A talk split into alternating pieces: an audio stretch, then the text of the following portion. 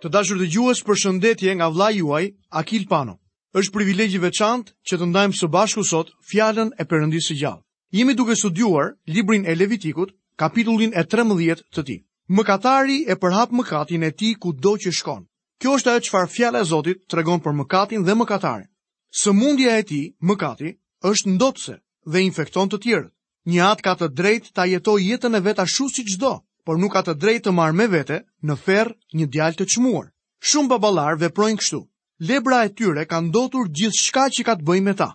Kjo është ajo që mësojmë neve në kapitullin e 13 të librit të Levitikut. Madje edhe rrobat mund të përhapnin infeksionin. E njëjta gjë ndodh me mëkatin. Çdo gjë që mëkati prek është i ndotur prej tij. Lexojmë vargun e 46 të kapitullit të 13 të librit të Levitikut. Do të jetë i papastër tërë kohën që do të ketë plagën. Është i papastër, do të jetojë vetëm, do të banojë jashtë kampit. Shumë mëkatarë e ngushëllojnë veten e tyre duke thënë se do të kenë goxha shoqëri në ferr. Vini re se lebrozi ishte krejtësisht i vetëm. Ai ishte i ndarë nga komuniteti. Lexojmë më poshtë vargjet 47 deri në vargun e 59 të kapitullit të 13 të Levitikut. Në qoftë se ka një plagë lebre mbi një palë rroba, qoftë rrobë leshi apo rrobë liri, një stof o një punë me shtiza prej liri ose leshi, në lëkurë apo në çfarëdo sendi prej lëkure, nëse plaga është e gjelbëruar ose kuqalashe mbi rrobat apo mbi lëkurën, mbi stofin ose mbi punën e bërë me shtiza, ose mbi çfarëdo tjetër sendi të punuar me lëkurë, është plagë lebre dhe do t'i tregohet priftit. Prifti do të shqyrtojë plagën dhe do të izolojë 7 ditë atë që ka plagën. Ditën e 7 do të ekzaminojë plagën dhe në qoftë se plaga është përhapur mbi rrobat, o mbi stofën, o mbi trikotazhin, o mbi lëkurën apo mbi çfarëdo sendi të punuar me lëkurë, është një plagë lebre e keqe është një gjë e papastër. Ai do t'i djegë këto rroba, o stofin, ose trikotazhin prej leshi, a prej liri, ose çfarëdo sendi të bërë me lëkurë, mbi të cilin ndodhet plaga, sepse është një lebër e keqe, do të digjen në zjarr. Por në rast se prifti ekzaminon plagën dhe kjo nuk është përhapur mbi rrobat o mbi stofin, o mbi trikotazhin ose mbi çdo send prej lëkure, Prifti do të urdhërojë që të lahet sendi mbi të cilin ishte kjo plagë dhe do ta izolojë personin për 7 ditë të tjera. Prifti do të ekzaminojë plagën mbasi të jetë larë. Në qoftë se plaga nuk ka ndryshuar ngjyrë, edhe sikur të mos jetë përhapur, është gjë e papastër. Do ta djegësh në zjarr. Ajo vazhdon të hajë nga brenda apo nga jashtë. Në qoftë se prifti e ekzaminon dhe plaga, pasi është larë, është përmirësuar, do ta shkulë nga rrobat a nga lëkura a nga stofi apo nga trikotazhi. Por në rast se duket edhe mbi rrobat, stofin, trikotazhin ose mbi çdo send tjetër prej lëkure, është një gjë e keqe që po përhapet, Do të djegësh me zjarr sendin mbi të cilin ndodhet plaga. Rrobat o stofi, o trikotazhi, ose çdo send tjetër i bërë me lëkurë, që ke larë dhe nga i cili është zhdukur plaga, do të lahet një herë të dytë dhe do të jetë i pastër. Ky është ligji për plagën e lebrës mbi një palë rroba leshi ose prej liri, mbi stofin apo trikotazh ose çfarëdo sendi të bërë prej lëkure, për ta shpallur të pastër apo për ta shpallur të papastër.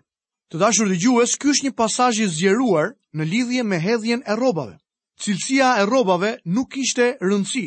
Rrobat më të mira ishin po aq të infektuara sa ato më të lira. Nëpërmjet kësaj, mësojmë një mësim të madh. Drejtësia e njeriut është një rrobë e ndotur në sytë e Zotit.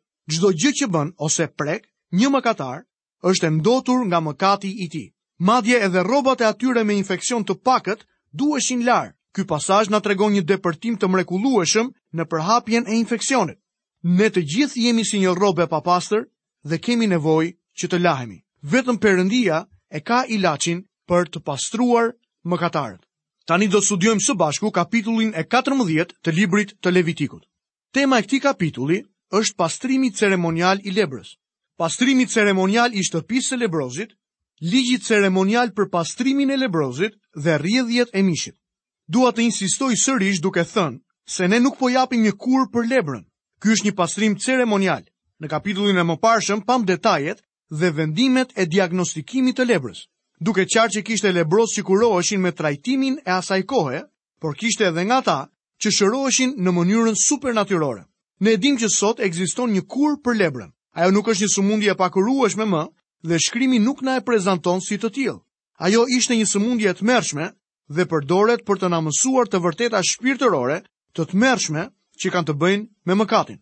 Ky kapitull hedh një rreze drite dhe shprese në errësirën e gjendjes së mjeruar të lebrës. Vëmë re se nuk jepet asnjë recetë nga ndonjë doktor për trajtimin dhe kurimin e lebrës. Por këtu tregohet pastrimi ceremonial që e ndjek kurën. Kjo gjë përmend tërthorazi shpengimin e mëkatarëve.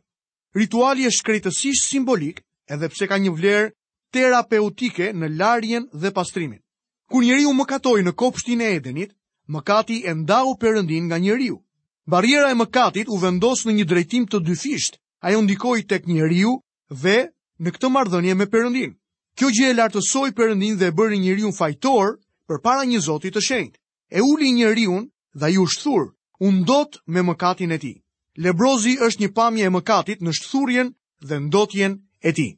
Tipari dallues në këtë kapitull është ceremonia unike e trajtimit të një plage të lebrozit në një shtëpi. Shtëpia trajtohet si me lebër, duke theksuar idenë e sëmundjes ngjitëse. Le të lexojmë në kapitullin e 14 të Levitikut, vargun e parë deri në vargun e tretë. Zoti i foli akoma Mojsiut duke thënë: Ky është ligji lidhur me lebrozin për ditën e pastrimit të tij. Ai do t'i çohet priftit. Prifti do të dalë nga kampi dhe do ta vizitojë atë dhe në qoftë se plaga e lebrës i është shëruar lebrozit. Vëmë re se prifti nuk shkon jashtë kampit për të shëruar lebrozin, por për të parë nëse ai ishte shëruar. Kjo është e rëndësishme. Ky është ligji i lebrozit në ditën e pastrimit të tij. Ky ishte një ritual që duhej ndjekur me saktësi. Ishte një pastrim ceremonial që ndiqte kurën e lebrës. Njeriu ishte shpallur lebroz nga prifti. Tani prifti duhej ta deklaronte atë të pastër. Prifti duhet të shkojë jashtë tek lebrozi dhe ta takojë atje ku ai është. Lebrozi nuk do të guxonte të hynte në shoqëri bashkë me njerëzit e shëndetshëm. sepse kjo gjë i ishte ndaluar atij. Ai tashmë ishte i izoluar. Për këtë arsye, prifti duhet të shkojë tek ai. Këtë e gjejmë të përmendur edhe tek Ungjilli i Lukës kapitulli 17 dhe vargu i 12. Ky varg na thotë, dhe kur po hynte në një fshat, i dolën para 10 lebrozë të cilët ndaluan larg. Këtu gjejmë ngjashmëri të mrekullueshme me personin dhe punën e kryepriftit dhe doktorit tonë të madh Jezus. Ai erdhi nga lavdia e qiejve në tokë, në tokën e cila ishte e mallkuar, ku njeriu po vuante nga lebra e mëkatit. Miqtë e mi, ne nuk mund të shkojmë në shoqërinë e qiellit kur jemi lebrozë. Njeriu mundi të shkojë në hënë, por kjo gjë nuk e çliroi atë prej mëkateve të tij. Ishte më se e nevojshme që Zoti Jezu Krisht të zbriste nga lavdia e qiejve në tokën tonë. Himni e deklaron këtë shumë saktësisht, jashtë nga pallatet e fildishtë në një botë me mjerim. Kjo ishte historia e tij. Kjo gjë theksohet shumë në Bibël. Te kapitulli 2 i letrës drejtuar hebrenjve, na thuhet: "Por shohim Jezusin të kurorëzuar me lavdi dhe me nder për vdekjen që pësoi. Ai u bë për pak kohë më i vogël se engjëjt, që me hirin e Perëndisë të provonte vdekjen për të gjithë njerëzit. sepse i duhej atij, për të cilin dhe nëpërmjet të cilit janë të gjitha, duke çuar shumë bij në lavdi, ta bënte të përsosur me anë të vuajtjeve, realizuesin e shpëtimit të tyre, sepse duke qenë se bijtë kanë marrë pjesë prej mishi dhe gjaku, po ashtu dhe ai u bë pjesëtar në po ato gjëra që të shkatërronte me anë të vdekjes, atë që ka pushtetin e vdekjes, domethënë djallin, sepse ai nuk kujdeset për engjëjt, por ndihmon pasardhjen e Abrahamit. Prandaj ai duhej t'u ngjante në çdo gjë vëllezërve që të mund të ishte i mëshirshëm dhe kryeprift besnik në ato që i përkasin Perëndisë, për të bërë pajtim për mëkatet e popullit. Ai erdhi nga lavdia e qiejve poshtë në tokë. Prifti duhet të shkonte tek lebrozët. Galatasit kapitulli 4, vargjet 4 deri në 5 na thotë: "Por kur u mbush koha, Perëndia dërgoi Birin e tij të lindur prej gruaje të nënshtruar ligjit, që të shpengonte ata që ishin nën ligj që ne të fitojmë birërinë. Ne duhet të theksojmë se ai shkon gjatë gjithë kohës tek mëkatarët për të shëruar plagët e mëkatit të tyre. Zbulesa kapitulli 3 dhe vargu 20 na thotë: Ja, unë qëndroj tek dera dhe trokas. Nëse dikush dëgjon zërin tim dhe do ta hapë derën, unë do të hyj tek ai dhe do të ha darkë me të dhe ai me mua. Perëndia ka deklaruar se zemra e njeriut është e ndyrë. Kështu pra që i takon Zotit për të deklaruar një njeri të pastër. Vetëm ai mund ta pastrojë. Gjoni në letrën e tij të parë, kapitulli i parë dhe vargu i 7, na thotë: "Dhe gjaku i Jezu Krishtit, birit të tij, na pastron nga çdo mëkat." Vini re se çfarë bën prifti kur shkon tek lebrozi. Për këtë gjë le t'i kthehemi sërish studimit tonë te kapitulli 14 i librit të Levitikut, vargu i katërt deri në vargun e shtatë. Prifti do të urdhërojë të merren për atë që do të pastrohet dy zogj të gjallë dhe të pastër, dru kedri nga skarlati dhe hisopi. Prifti do të urdhërojë që të therret një nga zogjtë në një enë prej argjili me ujë të rrjedhshëm. Pastaj do të marrë zogun e gjallë, drurin e kedrit, skarlatin dhe hisopin dhe do t'i zhytë me zogun e gjallë në gjakun e zogut të therur në ujë të rrjedhshëm. Do ta spërkatë pastaj 7 herë mbi atë që duhet të pastrohet nga lebra. Do ta shpallë atë të pastër dhe do ta lërë të shkojë të lirë zogun e gjallë nëpër fusha. A nuk ju tregova më lart se kjo do të ishte një ceremoni e pazakontë? Nuk mendoj se ka ndonjë gjë më të pazakontë se kjo. Të gjitha sakrificat e tjera duheshin bërë në altarin e tabernakullit dhe më vonë në tempull sipas urdhërimit të vetë Zotit. Ky është një përjashtim. Lebrozi ishte izoluar dhe nuk mund të shkonte në tabernakull, kështu që ishte e nevojshme që prifti vetë të shkonte tek ai. Altari i bronzit i sakrificës flet për kryqin e Krishtit, por ju mund të shihni që ai kryq Duhej të ishte këtu në tokë. Ai duhet të vinte këtu poshtë për të na takuar aty ku ne ndodheshim. Miqtë e mi, ne u izoluam, u ndamë nga Perëndia. Ne ishim të huaj dhe shumë larg prej tij, pa shpresë dhe pa Perëndi në këtë botë. Atij i duhej të vinte dhe të na takonte në nevojën në të cilën neve gjendeshim. Në këtë sakrificë përdoreshin dy zogj të pastër të gjallë. Me shumë mundësi mund të kenë qenë pëllumba. Njëri nga zogj do të therej për të prezantuar vdekjen e Krishtit, tjetri do të lije i gjallë për të prezantuar ringjalljen e Krishtit. Këto janë dy aspektet e ungjillit. Tek letra e parë drejtuar Korintasve, kapitulli 15, vargje 3 dhe 4, apostulli Paul thotë: Sepse unë ju kam transmetuar para së gjithash ato që edhe unë veti kam marrë, se Krishti vdiq për mëkatet tona sipas shkrimeve, se u varros dhe u ringjall të tretën ditë sipas shkrimeve. Dy zogj, vdekja dhe ringjallja. Vëmë re se ata kanë përdorur drurin e kedrit, për këtë mendoj se është një simbol i anës njerëzore perfekte të Krishtit. Druri ishte i pakorruptueshëm. Ai shërbente për një qëllim praktik, si doreza e një furçe, tek e cila ishte i lidhur hisopi me skarlatin. Skarlati ishte një lloj leshi me ngjyrë të kuqe. Skarlati unë besoj se është shenja e besimit në gjakun. Ai përfaqëson besimin e individit. Psalmi pesëdhjetë e një dhe vargu i shtatë na tregon: Më pastro me hisop dhe unë do të jem i pastër, më laj dhe unë do të jem më i bardhë se bora. Kjo është dhe përshtatshmëria dhe aplikimi i shpengimit të Krishtit. Një njeri mund ta tund kokën e tij dhe të thotë, se beson se vetë Jezusi vdiq dhe u ringjall sërish. Ky nuk është besim. Çështja është nëse ti e ke përshtatur këtë për veten tënde. A e ke vënë ti në të vërtetë besimin tënd tek Jezusi? Gjithashtu është praktikimi i vdekjes së Krishtit dhe gjakut të Krishtit në mëkatet e jetës së një besimtari. Letra e parë e Gjonit kapitulli i parë dhe vargu i 7 na tregon. Por po të ecim në dritë, sikurse ai është në dritë, kemi bashkësi njëri me tjetrin dhe gjaku i Jezu Krishtit birit të tij na pastron nga çdo mëkat. Ena e argjilës flet për anën njerëzore të Krishtit. Ai mori mbi veten e tij mishin tonë, anën tonë njerëzore, mëkatet tona. Apostulli Pal e quan veten e tij një enë argjile. Ena e argjiltë është trupi që ne kemi tani. Theksi është vendosur mbi dobësinë dhe pafuqinë e anës njerëzore. Hebrejt 4:15 na tregon, sepse ne nuk kemi kryeprift që nuk mund t'i vijë keq për dobësitë tona, po një që u tundua në të gjitha ashtu si ne, por pa mëkatuar. Uji i rrjedhshëm është uji i gjallë. Ky ujë merrej nga burimi ose nga një përrua i rrjedhshëm. Kjo gjë flet për të dyja fjalën e Zotit dhe frymën e tij. Rituali i të dyjave është i pazakontë dhe i bukur.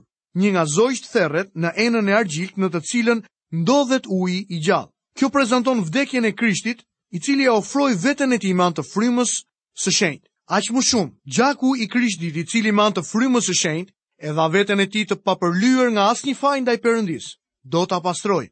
Dy zogjtë ishin të rëndësishëm për të bartur kuptimin tipik të ringjalljes. Zogu i gjallë zhytej në gjakun e zogut të therur dhe për t'u identifikuar me zogun që ishte therur. Pastaj zogut të gjallë i jepej liria duke e lejuar atë të fluturonte. Krishti u dorëzua për fyerjet dhe shkeljet tona dhe u ngrit sërish për shfajësimin tonë për të na dhënë liri që të mund të qëndrojmë të patundur me të. Galatasit 5 dhe vargu i parë na tregon. Qëndroni pra të patundur në lirinë me të cilën Krishti na liroi dhe mos hyni përsëri në zgjedhën e skllavërisë. Kjo do të thotë mos u ngatërroni sërish me fetë, rregullat, ritualet dhe ligjin. Krishti zuri vendin tonë, vdiq vdekjen që ne meritonim, vdekjen tonë. pagoi ndëshkimin tonë. Ai u ringjall për ne. Nëse ai vdiq për ne, atëherë ne vdiqëm në të dhe u ngritëm me të dhe jemi lart me të në anën e djathtë të Atit. Miqtë e mi, besimtari është po aq i lirë sa zogjtë e qiellit dhe po aq i çliruar nga feja rituali dhe ligji. Besimtari është tani skllavi i lidhur i Zotit Jezu Krisht. Ai i nënshtrohet vullnetit dhe rrugës së Krishtit. Jezusi tha, nëse më doni, mbani urdhërimet e mia. Ai do të spërkasë shtatë herë mbi atë që duhet të pastrohet nga lebra. E pra shtata është numri i plotësisë dhe i përmbushjes. Kjo ndante përgjithnjë çështjen nëse lebrozi ishte i shëruar ose jo. Në këtë botë ka vetëm dy lloj njerëzish, lebrozë dhe lebrozë të pastruar. Pra ka mëkatarë të humbur dhe mëkatarë të cilët janë shpëtuar. Kjo është e gjitha. Le të lexojmë më poshtë në kapitullin e 14 të librit të Levitikut, vargjet 8 dhe 9. Ai që duhet të pastrohet, do të lajë rrobat e tij, do të rruajë tërë qimet e tij, do të lahet në ujë dhe do të jetë i pastër.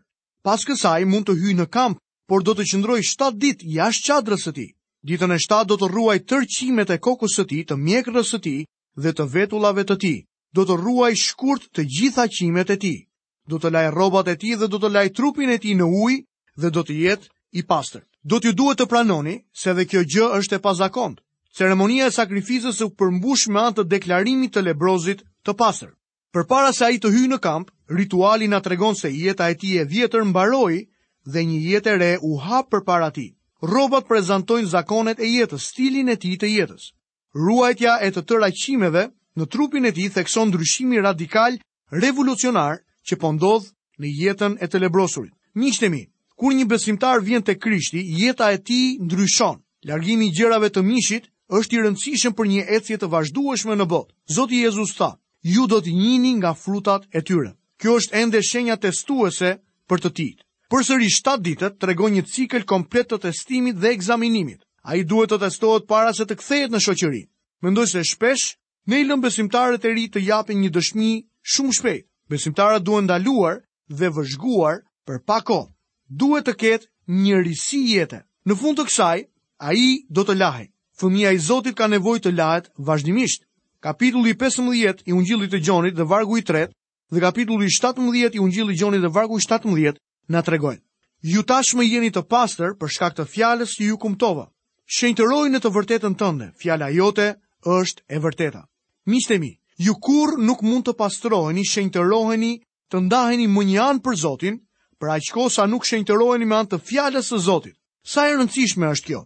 Mund t'ju them se 7 ditët për besimtarin, koha e përmbushjes, është kur Perëndia do të përmbushë udhëtimin tokësor të kishës së tij.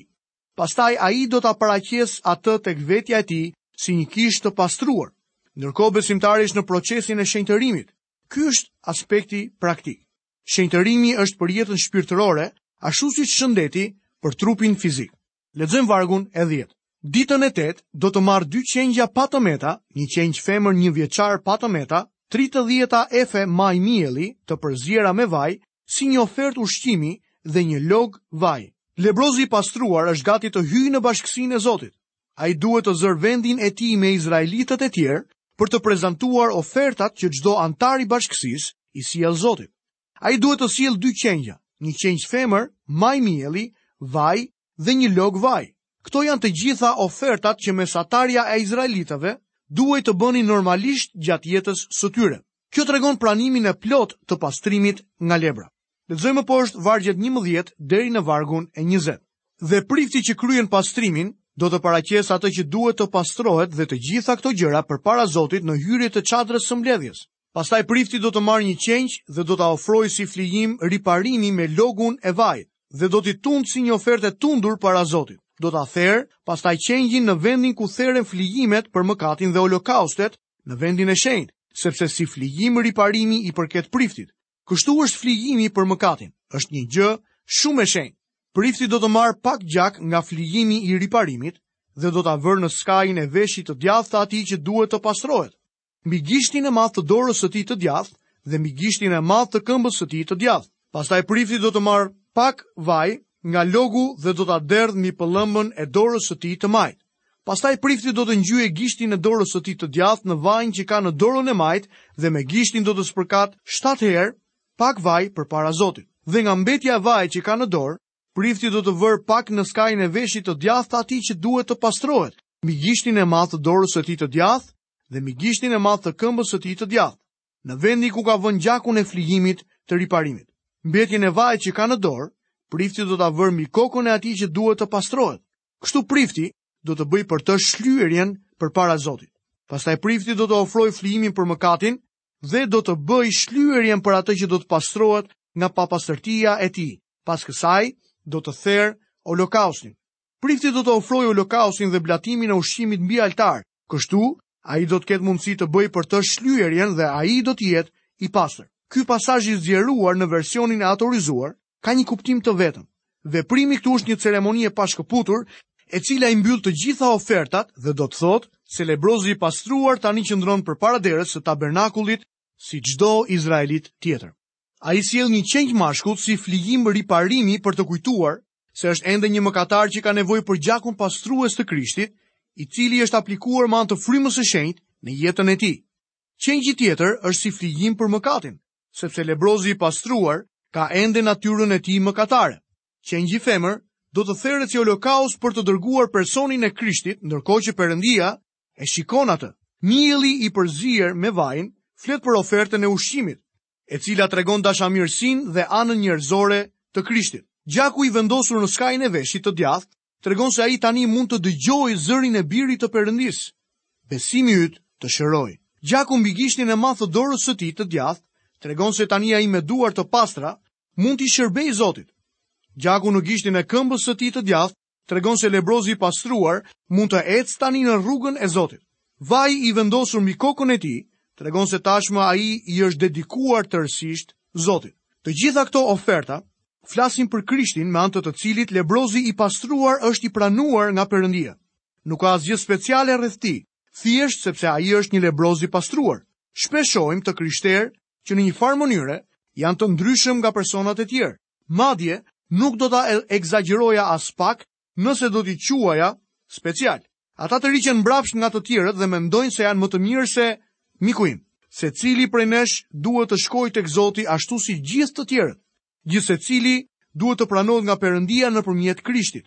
Ne kemi nevojë të lahemi, Besoj se e mbani mend kur Pjetri protestoi ndaj Zotit Jezus duke i thënë se ai kurrë nuk do t'ia lante këmbët atij. Përgjigja e Zotit tonë ishte, po nuk të lava, ti nuk do të kesh pjesë në mua. Këtu ne shohim një mësim të madh shpirtëror. Lebrozi u kthye sërish, ai u pastrua nga lebra e tij, por ai qëndronte me gjithë të tjerët përpara Zotit. Ai ende qëndronte si mëkatar para Zotit dhe kishte nevojë për pastrim të vazhdueshëm. Vargjet 21 deri te vargu i 32 shpjegojnë se çfarë oferte duhet të sillte nëse do të ishte i varfër. Do të ishte logjike të mendoje se një person që kishte qenë lebroz nuk do të ishte në gjendje të jepte një ritual të përgatitur. Sërish sigurimi i Zotit për të varfrin është i mrekullueshëm. Askush nuk izolohet apo veçohet për shkak të varfërisë së tij.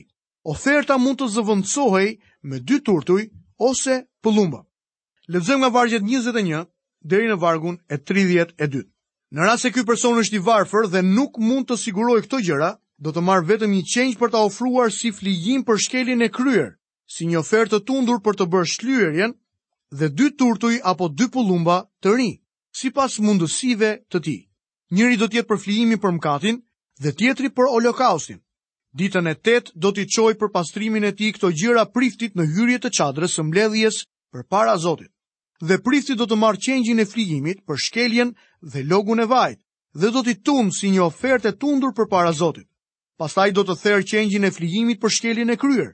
Prifti do të marrë pak gjak nga flijimi për shkeljen dhe do ta vërë në skajin e veshit të djathtë të atij që do të pastrohet mbi gishtin e madh të dorës së tij të djathtë dhe mbi gishtin e madh të këmbës së tij të djathtë. Prifti do të derdhë pak vaj mbi pëllëmbën e dorës së tij të majtë dhe mbi gishtin e dorës së tij të djathtë, prifti do të spërkasë 7 herë pak nga vaji që ka në dorën e tij të majtë përpara Zotit. Pastaj prifti do të vërë pak nga vaji që ka në dorë mbi skajin e veshit të djathtë të atij që duhet të pastrohet, mbi gishtin e tij të madh të dorës së djathtë dhe mbi gishtin e madh të këmbës së tij të djathtë, në vendin ku ka vënë gjakun e flijimit të shkeljes. Mbetjen e vajit që ka në dorë, prifti do ta vërë mbi kokën e atij që do të pastrohet për të bërë shlyerjen për atë përpara Zotit. Pastaj do të ofrojë një nga turtujt a një nga të dy pëllumbat e ri sipas mundësive të tij. Do të ofrojë atë që ka mundur të sigurojë njërin si flijim për mëkatin dhe tjetrin si holokaust, bashkë me blatimin e ushqimit, Kështu prifti do të bëjë shlyerjen përpara Zotit për atë që do të pastrohet. Ky është ligji për atë që është prekur nga plaga e lebrës dhe nuk ka mjetet për të siguruar atë që kërkohet për pastrimin e tij. Le të shohim tani pastrimin ceremonial të shtëpisë ku ka qenë i vendosur lebrozi. Lexojmë kapitullin e 14 të Levitikut, vargjet 33 deri në vargun e 36. Zoti u foli akoma Moisiut dhe Aronit duke thënë, kur do të hyni në vendin e Kananit që unë ju jap në pronësi, në rast se dërgoj plagën e lebrës në një shtëpi të vendit që është prona juaj, i zoti i shtëpisë do të shkojë t'ia deklarojë priftit duke thënë, më duket se ka një farë plage në shtëpinë time. Atëherë prifti do të urdhërojë që të zbrazet shtëpia para se ai të hyjë për të shqyrtuar plagën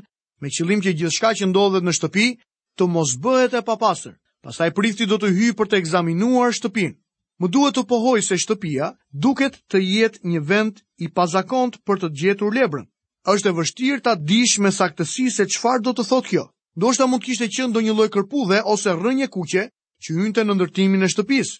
Prifti duhet të ekzaminonte shtëpinë për vende të gjelbërta ose për shtresa të kuqe dhe përsëri pas 7 ditësh do ta ekzaminonte sërish për të parë nëse plaga ishte përhapur. Pamja është se ne jetojmë në një shtëpi tjetër këtu poshtë, e cila është trupi ynë. Ne jetojmë në një botë të ndotur nga mëkati. Shtëpia e vjetër në të cilën jetojmë është e mbushur me lebër. Në ritin ceremonial të pastrimit të shtëpisë ka tre faza. E para, shtëpia zbrazej nga furnizimet dhe gjithçka që kishte brenda. Prifti e inspektonte dhe pastaj e mbyllte për 7 ditë para se të bënte inspektimin tjetër. Nëse atëherë do të gjente një gjurmë të lebrës, do të hiqte suvatimin nga pjesa e infektuar dhe do të largonte gjithë gurët e infektuar. Lexojmë vargjet 43 deri në vargun e 47. Po në rast se plaga shpërthen përsëri në shtëpi, Mbasi janë hequr gurët dhe mbasi shtëpia është kruar dhe është suvatuar përsëri, prifti do të hyjë për të kontrolluar shtëpinë. Në qoftë se plaga është e përhapur në shtëpi, kemi një lebër të keqe në shtëpi. Kjo është e papastër. Prandaj do ta shembë shtëpinë dhe do t'i çojë gurët, lëndën e drurit dhe suvanë jashtë qytetit në një vend të papastër. Përveç kësaj, kushdo që hyn në shtëpi, gjatë gjithë kohës që mbeti e mbyllur do të jetë i papastër deri në mbrëmje. Kush flen në shtëpi do të lajë rrobat e tij, Po kështu ai që ha në shtëpi do të lajë rrobat e tij. Nëse prifti do të gjente mbeturina të infeksionit në shtëpinë e rinovuar, atëherë shtëpia do të shkatërrohej dhe ndërruar. Ju e dini, do të ketë një kohë kur Perëndia do të shkatërrojë këtë tokë, e cila është e kalbur në lebër. Ai do ta pastrojë atë. Do të ketë një qiell të ri dhe një tokë të re, dhe ato do të jenë të lira nga mëkati. Lexojmë vargun e 48. Por në qoftë se prifti hyn në shtëpi dhe e kontrollon dhe plaga nuk është përhapur në shtëpi pasi është suvatuar, prifti do ta shpallë atë të pastër sepse plaga është shëruar. I njëjti ritual i dy zogjve për pastrimin ceremonial të lebrozit ndiqet edhe në këtë rast. Lexojmë vargjet 49 deri në vargun e 53. Pastaj për të pastruar shtëpinë do të marrë dy zogj, dru kedri, skarlat dhe hisop. do të therë pastaj një nga zogjtë në një enë argjili me ujë të rrjedhshëm dhe do të marrë drurin e kedrit, hisopin, skarlatin dhe zogun e gjallë dhe do t'i zhytë në gjakun e zogut të therur dhe në ujë të rrjedhshëm do ta spërkasë shtëpinë 7 herë. Kështu do ta pastrojë shtëpinë me gjakun e zogut, me ujin e rrjedhshëm, me zogun e gjallë, me drurin e kedrit, me hisopin, dhe me skarlatin, por do ta lërë zogun të ikë i lirë jashtë qytetit, nëpër fusha, kështu do ta bëjë shlyerjen për shtëpinë dhe kjo do të jetë e pastër. Ligji ceremonial për pastrimin e lebrës dhe rrjedhjet e mishit.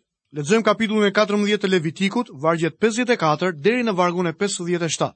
Ky është ligji për çdo plagë të lebrës dhe të qeres, për lebrën e rrobave dhe të shtëpisë, për enjtjet, puçrat me qelb dhe njollat e shndritshme, për të mësuar kur një gjë është e papastër, dhe kur është e pastër. Ky është ligji për lebrën. Kjo duket të jetë një përforcim i theksimit të ligjit në lidhje me pastrimin e lebrës. Vini re se qëllimi parësor i ritualit ishte për të mësuar, për të mësuar se kur ishte e papastër dhe kur ishte e pastër. Ky është një mësim i madh shpirtëror edhe për ne sot. Ti dhe unë kemi lebër shpirtërore. Nëse unë dhe ti do të shkonim në qiell pa Jezu Krishtin në zemrën tonë si Zot dhe si Shpëtimtar, Pa i besuar atij, ne do të thërrisnim i papastër, i papastër dhe do të dëboheshim prej andej. Në Krishtin ne jemi të pranuar tek i dashuri. Miku im, ku je ti sot? A je ti një lebroz që ka ardhur te Krishti për pastrim apo je ende një i papastër? Të dashur miq, jam kaq shumë mirënjohës Perëndisë që Perëndia i shpalli të gjithë lebrozët shpirtërorë, të gjithë të fajshmit, të gjithë mëkatarët, të pastruar me gjakun e birit të tij, të gjithë ata që besuan në emrin e Jezusit. Unë të falenderoj ty Perëndi që një ditë, unë së bashku me të tërë ata që janë të pastruar prej këtij gjaku, do dalim përpara portave të tua të qiellit dhe do dëgjojmë prej vetë Zotit tonë Jezus, shërbëtor i mirë dhe besnik, eja dhe hyr në gëzimin e atit tënd. Të dashur dëgjues, Këtu po e mbyllim dhe programin e sotëm nga vëllai juaj Akil Pano, bashkë mirudëgjofshim në emisionin e ardhshëm.